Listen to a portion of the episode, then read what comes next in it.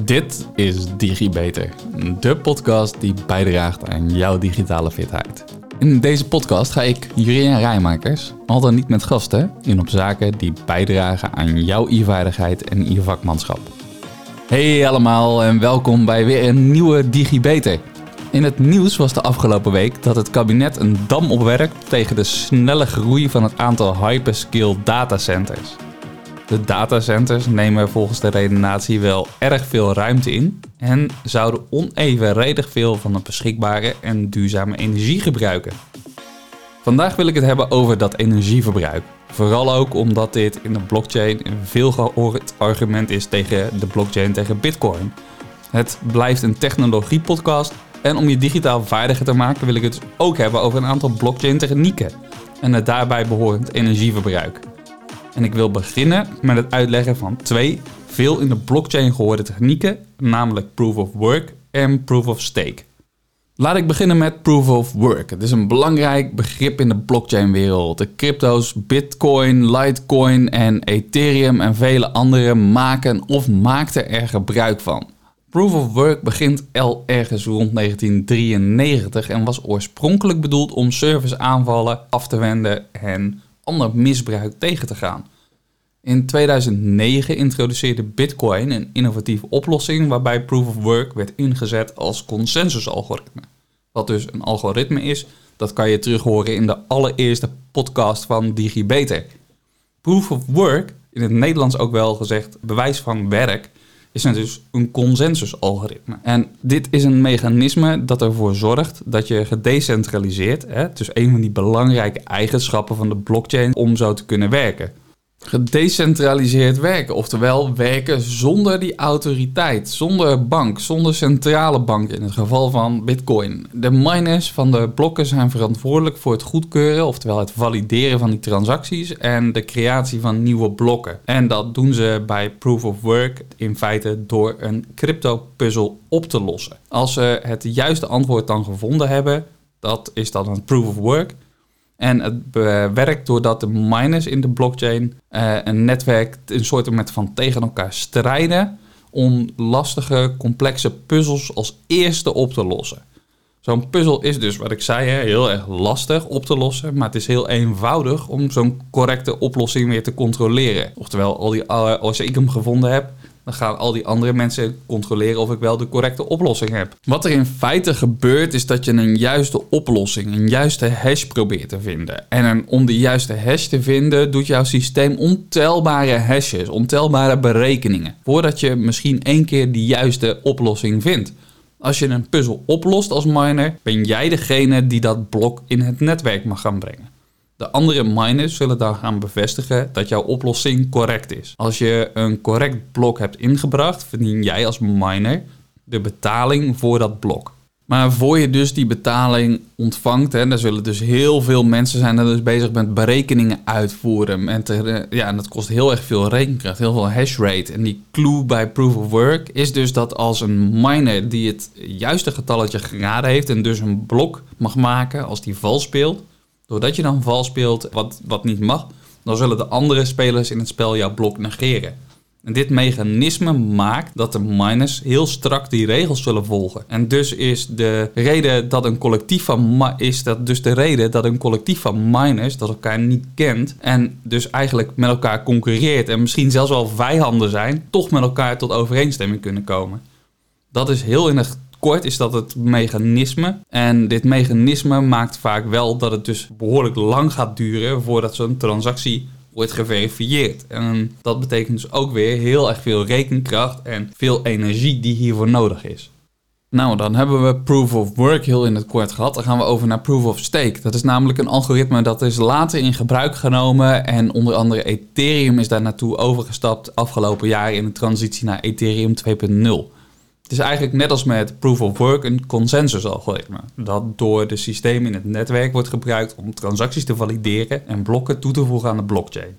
Om te kunnen valideren moet je hier nu echter geld inzetten in de vorm van crypto of tokens. En dat is ook het gedeelte wat stake genoemd wordt. Die stake die moet je eigenlijk vergelijken met een soort van borg. Borg die je moet betalen om deel te mogen nemen in het netwerk, om te mogen valideren. Dit wordt gedaan omdat er ook wel kwaadwillende validatoren zijn in zo'n proces natuurlijk. En uh, ja, die dan transacties accepteren die niet geaccepteerd hadden mogen worden.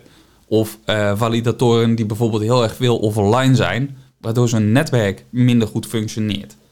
Bij proof of stake is het zo dat als je als validator iets doet dat tegen de regels ingaat, zoals het valideren van een foutieve transactie, dan krijg je een straf. Een boete die wordt betaald dan uit die stake die jij als borg ingelegd hebt. En nou denk je misschien, nou, ah oké, nou ja, dat beetje borg wat je dan kwijt bent, maar de borg is geen peanuts, want het gaat vaak om echt hele grote significante bedragen die je als stake moet inleggen. Het is niet zo dat je niet kan steken overigens op het moment dat je niet dan zo'n heel grote inleg hebt. In heel erg veel netwerken kan je jouw munten of je tokens steken via een andere validator.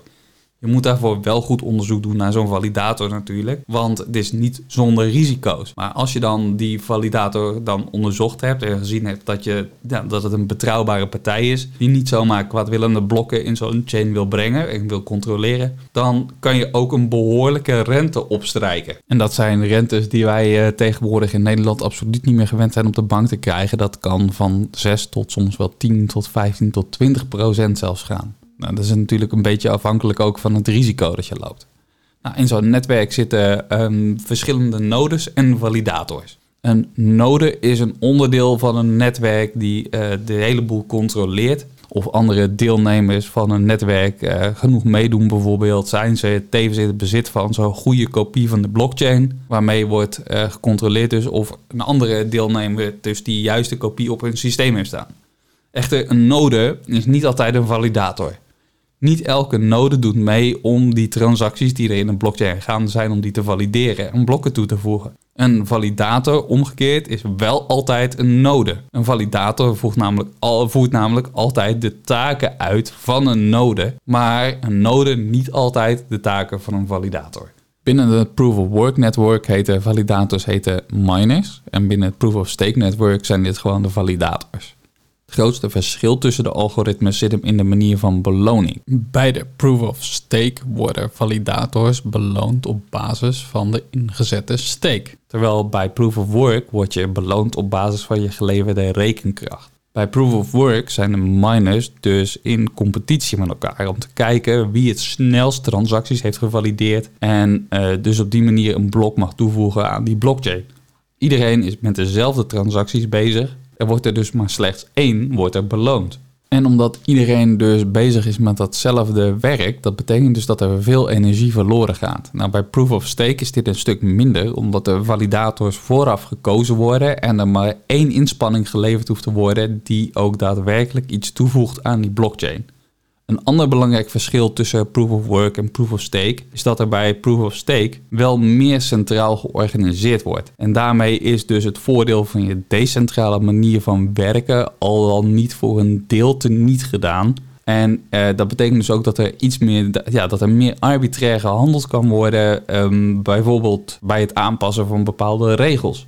En dat stukje centralisatie wat je daar ziet, nou, dat pleit er eigenlijk dat je wanneer je bijvoorbeeld een onafhankelijk geldsysteem zou willen, dan pleit dat veel meer voor proof of work. Want als je landen samenpakt zoals China of Amerika en Rusland, ja, die vertrouwen elkaar geopolitiek helemaal niet. Die vijanden zijn, zijn zelfs vijanden van elkaar. En ja, die willen dus niet met elkaar samenwerken. En daarin kun je dus geen punt hebben waarin toch centralisatie is. Dus als je echt iets wil dat onafhankelijk functioneert, of dat nu geld is of bijvoorbeeld een internet, dan zal je ervoor moeten zorgen dat elke vorm van centralisatie daaruit weg is. Nou, dat was weer even een klein stukje terug naar Proof of Work. Verder met Proof of Stake deel. Um, er zijn op het Proof of Stake netwerk namelijk best wel veel varianten bedacht inmiddels alweer. In de loop van de tijd en die uh, zijn ja, eigenlijk te veel variant om hier nu allemaal te gaan behandelen. Maar als je er nou meer op wil weten, dan google gerust eens naar bijvoorbeeld um, least uh, proof of stake. Dus dat is least POS of hybrid proof of stake, HPOS. Of delegated proof of stake, DPOS. Of liquid proof of stake, LPOS. Of pure proof of stake, PayPOS. En nog vele andere.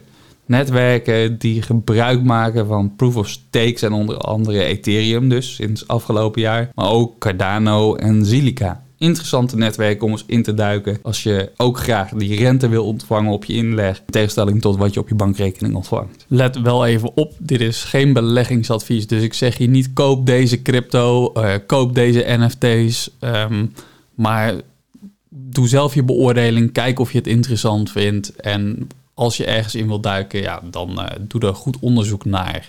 Nou, we hebben al een stukje energieverbruik behandeld en daar wil ik eigenlijk even verder op doorgaan. Want ja, dat energieverbruik dat leidt toch regelmatig tot felle kritieken en het domineert regelmatig het nieuws. Zo suggereerde media zoals de NRC dat een vestiging van Meta en Zeewolde wel twee tot drie keer zoveel energie zou verbruiken als een stad als Amsterdam. Goed om te weten is denk ik dat zo'n stad als Amsterdam, die gebruikt 1750 megawattuur aan energie. En Meta zal daar beginnen met ongeveer zo'n 60 megawatt. Het lijkt dus vrij onlogisch dat dat in de buurt gaat komen van die drie keer zoveel. Ook kranten als de Volkskrant doen hier best wel een duit in het zakje. Als je kijkt naar het verbruik van het metacenter, zeggen zij bijvoorbeeld dat het zo'n 1,4 terawattuur per jaar gebruikt. Nou, behalve dat je misschien wel verwacht dat dat kan leiden tot behoorlijk gevaarlijke situaties, zou 1,4 terawattuur nog steeds maar zo'n 30% zijn van de 4,5 die Amsterdam er op een jaar gebruikt. En laat ik hier ook weer even duidelijk zijn. Ik wil hier niet mee uitvlakken dat het een enorm stroomverbruik is. En dat je zeker kan verwachten dat het verbruik van de energie van de stroom in de loop van de tijd zal toenemen. Je kan je echter wel gaan afvragen of dat nou drie keer zoveel zou zijn. Ik geloof dat zelf, geloof ik dat niet. Maar ja, het is nog steeds in een land als Nederland waar we krapte hebben aan aanbod van duurzame stroom eh, en niet in de pas lopen met het verbruik. Eh, nou, dan is het verbruik van dit soort datacenters is natuurlijk niet, ja, niet pas. Op veel andere plekken is er echt best wel veel duurzame stroom wel voorhanden. En daar kom ik later nog even op terug. Nou, kijkend naar de blockchain verschijnen er uh, zo nu en dan ook best wel van dit soort verhalen. En voor deze podcast zal ik vooral kijken naar het energieverbruik van de Bitcoin blockchain. Omdat dat toch een van degenen is waar het meest over gesproken wordt. En als het gaat, uh, ook als het gaat over het energieverbruik. Zo stond er ook ooit een van de verhalen rondom Bitcoin stond er in Motherboard. Dat was rond 2015, eh, meen ik. En een stuk dat gaf aan dat een enkele Bitcoin-transactie die zou net zoveel energie verbruiken als een gemiddeld Amerikaans gezin in anderhalve dag. Nou ja, Amerikaanse gezinnen zijn natuurlijk wel behoorlijk groot verbruikers. Met die stukken die ik net al uh, aangaf van de NRC en van de Volkskrant over uh, de datacenters, hier wel kan afvragen in hoeverre klopt dat? En ja, dit soort vergelijkingen zijn natuurlijk wel zaken die triggeren.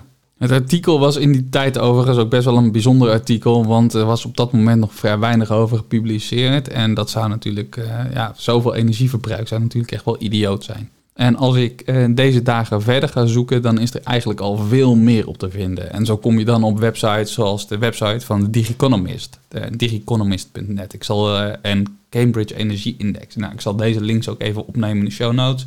Dan kun je zelf even kijken naar energieverbruik van de Bitcoin en uh, eventueel ook Ethereum. Je ziet op de site van de The Economist ook diverse vergelijkingen staan, zoals ik die net ook al aanhaalde van de NRC en de Volkskrant. En dit zijn die, die rondom de datacenters. Die zijn, uh, dit zijn in mijn inziens redelijk activistische vergelijkingen. Want ze hebben het daar bijvoorbeeld over het elektriciteitsverbruik van Nederland in vergelijking met het energieverbruik van de bitcoin. Nou, waarom vergelijk je niet gewoon het energieverbruik van Nederland met het energieverbruik van een bitcoin? Ja, dan kom je op een getal van Nederland wat gewoon acht keer zo hoog is in energieverbruik. En dan heb je natuurlijk geen leuke spectaculaire vergelijking mee. Daarmee denk ik dus ook dat het gek is om bijvoorbeeld met landen te vergelijken of da datacenters met steden te gaan vergelijken. Want ja, het verschil tussen landen of het verschil tussen steden is zo enorm groot en heeft met zoveel economische andere factoren te maken dat het eigenlijk geen eerlijke vergelijking is om daar iets tegen af te zetten. Je moet, als je gaat vergelijken, moet je het natuurlijk gewoon objectief en neutraal zijn.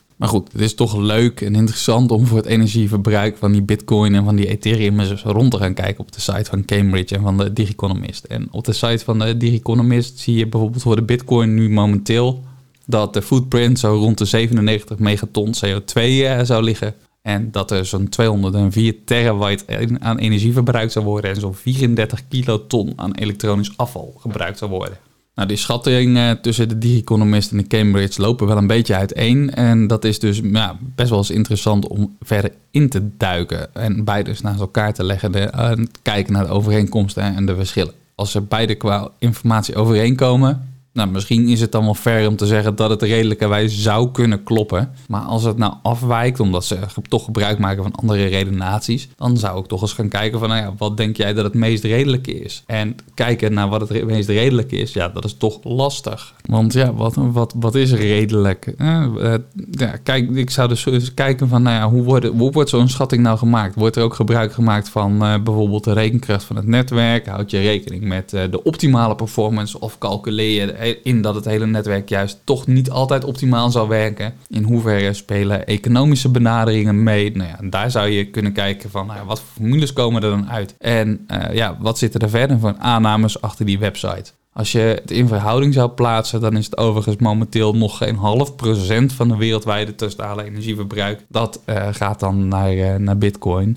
Maar dat zou onder meer afhankelijk van de waarde ook wel verder kunnen gaan groeien natuurlijk. En het is hierbij ook wel weer goed om in gedachten te houden dat die beloning ongeveer uh, voor die bitcoin, daar heb ik het dan weer over, dat die elke vier jaar halveert. En daarmee dus eigenlijk dat het minder aantrekkelijk wordt om te minen. En dat zou dus ook wel weer kunnen betekenen dat daarmee dus een deel van het energieverbruik wat langzaam toeneemt, dat dat weer gecompenseerd zal gaan worden. En ik hoor me al zeggen, langzaam toeneemt, nou schrap dat woordje langzaam, maar dat, ja, dat energieverbruik neemt gewoon toe ja, dat kan voor een deel wordt dat dan gecompenseerd door die uh, halfjaarlijkse, of die halfjaarlijkse, door die vierjaarlijkse halvings. Nou, ik denk dat we er allemaal wel over uit zijn dat het een, in ieder geval een behoorlijke hoeveelheid energie is die verbruikt wordt. Uh, maar daarbij denk ik dat het goed is om een gedachte te houden dat uh, bij het verbruik van binnen die blockchain dat het een relatief jonge techniek is. Een techniek die nog maar zo'n 12 jaar oud is. En als je dat afzet tegen andere oude technieken die steeds verder ontwikkeld werden, eh, dan verbruikt hij in het begin natuurlijk ook veel meer energie.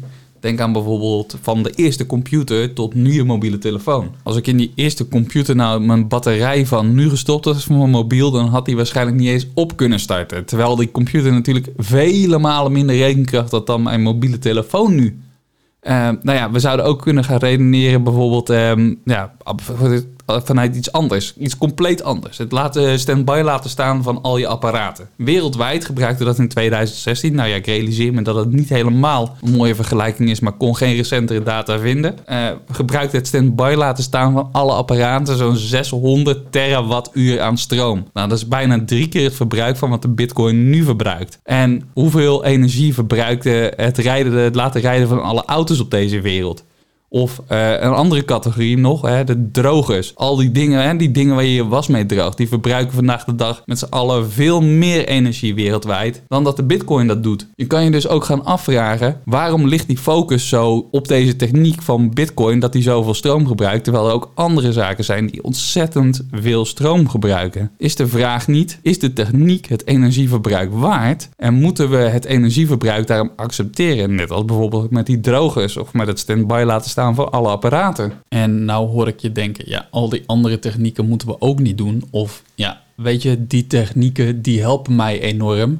Of uh, ja, hier kunnen we toch ook enorm op besparen nog op deze technieken. Ja, dat klopt allemaal. Maar uh, het gaat er dus eigenlijk hier in dit punt om: is de techniek dus het energieverbruik waard? Overigens heb ik het hier natuurlijk wel alleen over de energie nog hè, van de Bitcoin en niet over al die andere blockchains die draaien. Je kan het ook niet zomaar extrapoleren naar alle andere blockchains, omdat bij uh, de Bitcoin is het een proof of work algoritme achter Bitcoin. Het is natuurlijk veel breder in gebruik en daarmee ook super energie-intensief ten opzichte van een heleboel alternatieven. En ook op de Bitcoin zal naar verwachting zullen echt nog wel ontwikkelingen plaatsvinden die dat energieverbruik zullen laten dalen. Het blijft natuurlijk wel, de Bitcoin blijft natuurlijk wel een open netwerk waar iedereen aan kan deelnemen. Je moet dus ook wel borgen dat die meerderheid van het netwerk eerlijk is. En uh, ja, om, het, om te zorgen dat dat blijvend kan blijven functioneren. Het is dus uh, nou ja, in ieder geval niet alleen de zaak om te kijken naar van nou, wat voor wordt er nou verbruikt. Maar ook wat is zo'n techniek ons nou waard? Wat levert het op? Maar goed, dat punt had ik natuurlijk ook al eerder gemaakt. Ook is het alleen kijken naar het energieverbruik niet eerlijk, omdat ook het produceren van uh, dit soort systemen kost ook nog een keer geld. Dat is net zoals met auto's natuurlijk en met die drogers, die wasdrogers. Bijvoorbeeld en de productie van elektrische auto's, waarvan we claimen dat ze heel erg goed zijn. De productie is toch echt een heel stuk minder duurzaam. En dat komt vooral door de gebruikte grondstoffen bij die productie van zo'n auto. Zitten een aantal heel zeldzame materialen in, zoals kobalt en lithium. En die veroorzaken behoorlijke milieuschade. En dat alles neemt wat mij betreft overigens dus niet weg dat we niet moeten gaan kijken naar hoe we zo zuinig mogelijk met onze energie en met de wereld en dergelijke om kunnen gaan. En hoe we zo goed mogelijk kunnen recyclen. Maar ik noem het vooral om zaken in perspectief te plaatsen. Nou, dan heb ik het gehad over de, de hoeveelheid energie die het gebruikt ehm, en over het in perspectief plaatsen van het gebruik.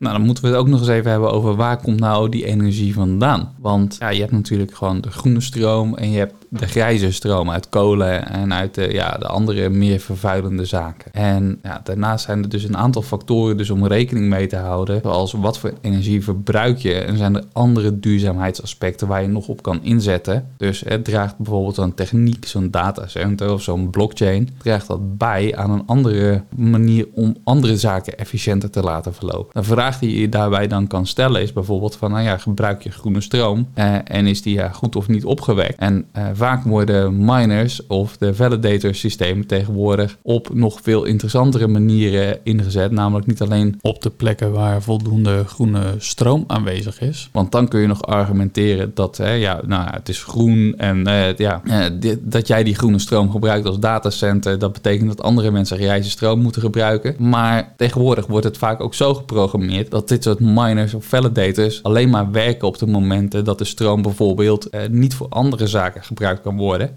en dus verloren zou gaan. Zo zie je in landen als uh, Noorwegen en Zweden is er vaak heel veel overproductie. En ja, dat, weet je, die groene stroom die blijft wel komen, omdat dat, dat is dat gewoon dat stromend water wat door zo'n opweksysteem heen loopt. Ja, en dat, dat, die stroom die blijft wel komen. Dus ja, dan is het toch in één keer interessant om die wel in te zetten voor dit soort mining systemen. Ook wordt bijvoorbeeld vaak geprobeerd uh, tegenwoordig om die warmte, die restwarmte, om die nog weer efficiënt in te zetten. Nou, zo stuit ik bijvoorbeeld in mijn zoektocht uh, in een naar een aantal voorbeelden op bedrijven zoals uh, Carnot, die een verwarming maakt, in dit geval overigens voor in huis, um, die uh, vervolgens ook nog voor jou kan crypto minen of valideren. Dus eigenlijk is die aan het crypto minen en aan het valideren en ondertussen verwarmt hij je huis. Of in een project in Canada, daar wordt bijvoorbeeld sla gegroeid in de kassen op warmte van miningproductie. Nou, ook in Noorwegen, zoals ik net al zei, hè, wordt heel veel energie duurzaam opgewekt. Dus zo'n 99% van de energie komt daar uit waterkracht.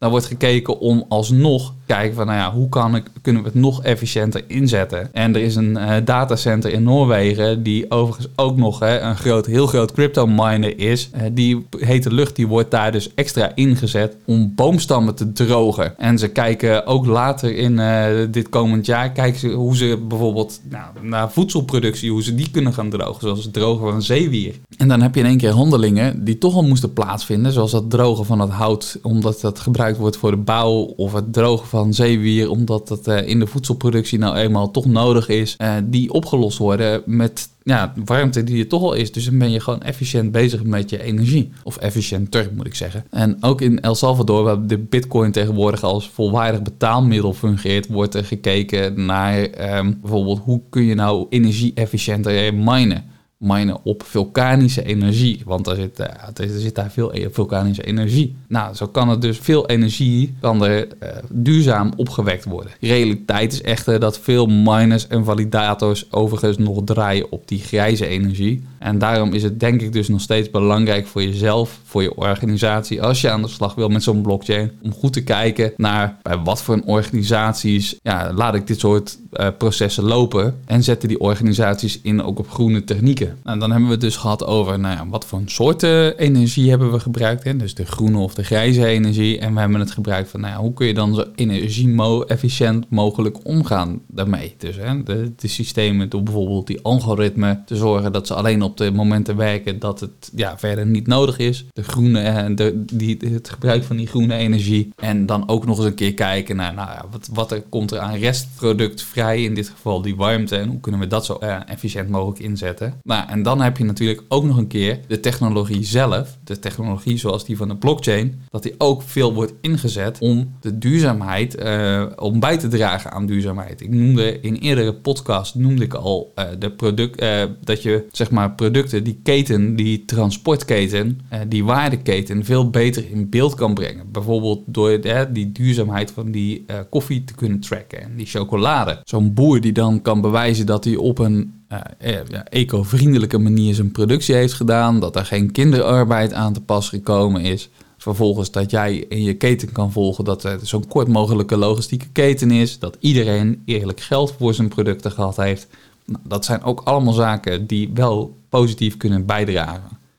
Maar het heeft ook andere potentiëlen om bijvoorbeeld eh, verschuivingen te creëren naar meer gedecentraliseerde oplossingen. Zoals het in staat stellen van jou als huis- of bedrijfspandeigenaar om de zonne-energie die je opwekt met jouw zonnepanelen, terwijl je buurman geen zonnepanelen heeft, om die door te verkopen. Die, hè, dus op het moment dat jij toevallig heel veel energie nodig hebt, of nodig hebt. Op het moment dat je heel veel energie hebt en je buurman heel veel energie nodig heeft. En ja, dan hoef je het in één keer niet meer het hele netwerk over te pompen. Maar kun je het gewoon direct aan je buurman verkopen. Je kan ook uh, denken aan zaken als bijvoorbeeld een uh, materialenpaspoort. Het introduceren daarvan. Waarmee je dus weet welke materialen uh, je product uit is opgebouwd. Of er bijvoorbeeld een hoop recycling is gedaan. En dat kan dus ook weer nou, mensen stimuleren. Omdat je weet van nou, ik heb een product wat gewoon netjes hergebruikt is. En het stimuleert ook, want het zijn natuurlijk al een hoop producten die met dit soort materialen gemaakt worden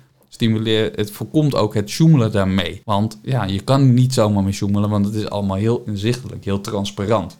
Daarbij kan het ook nog zorgen dat je bijvoorbeeld vraag en aanbod sneller bij elkaar kan brengen. Dus nou ja, we hadden het net over de recycling. Uh, op het moment dat ik iets wil maken van gerecyclede producten, zou ik door zo'n blockchain, omdat het open en transparant is, misschien wel veel sneller bepaalde producten dichter bij huis kunnen vinden. En daarmee die keten efficiënter kunnen maken. Je kan uh, de, uh, de warmte die in datacenters wordt gebruikt en de, de blockchain die die blockchain validators opleveren, niet alleen benutten, maar je kan het ook via de blockchain, zou je het efficiënt kunnen regelen dat de warmte inzichtelijk is, waar komt die vandaan?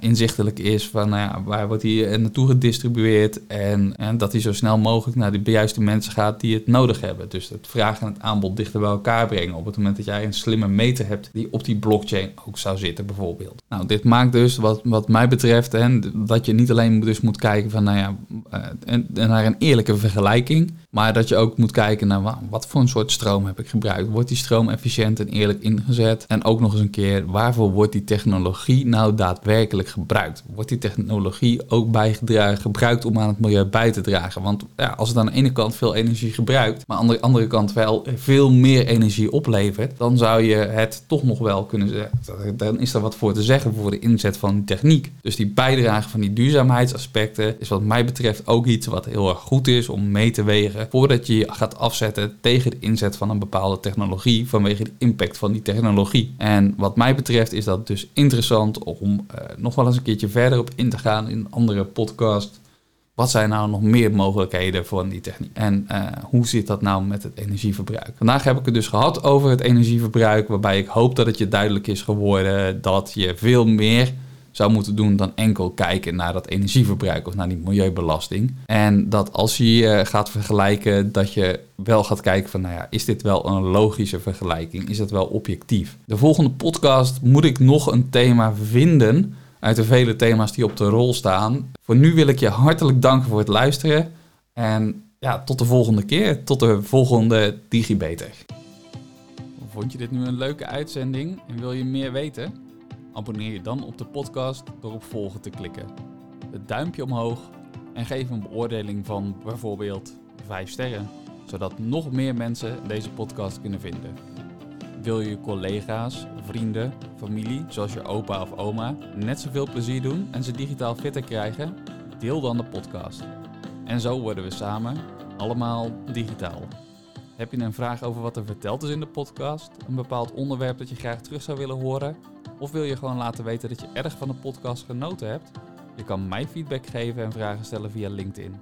Zoek dan even naar Juriaan Rijmakers. Hoe dan ook, na deze podcast ben je weer een beetje digifitter. Tot de volgende keer, tot de volgende DigiBeter.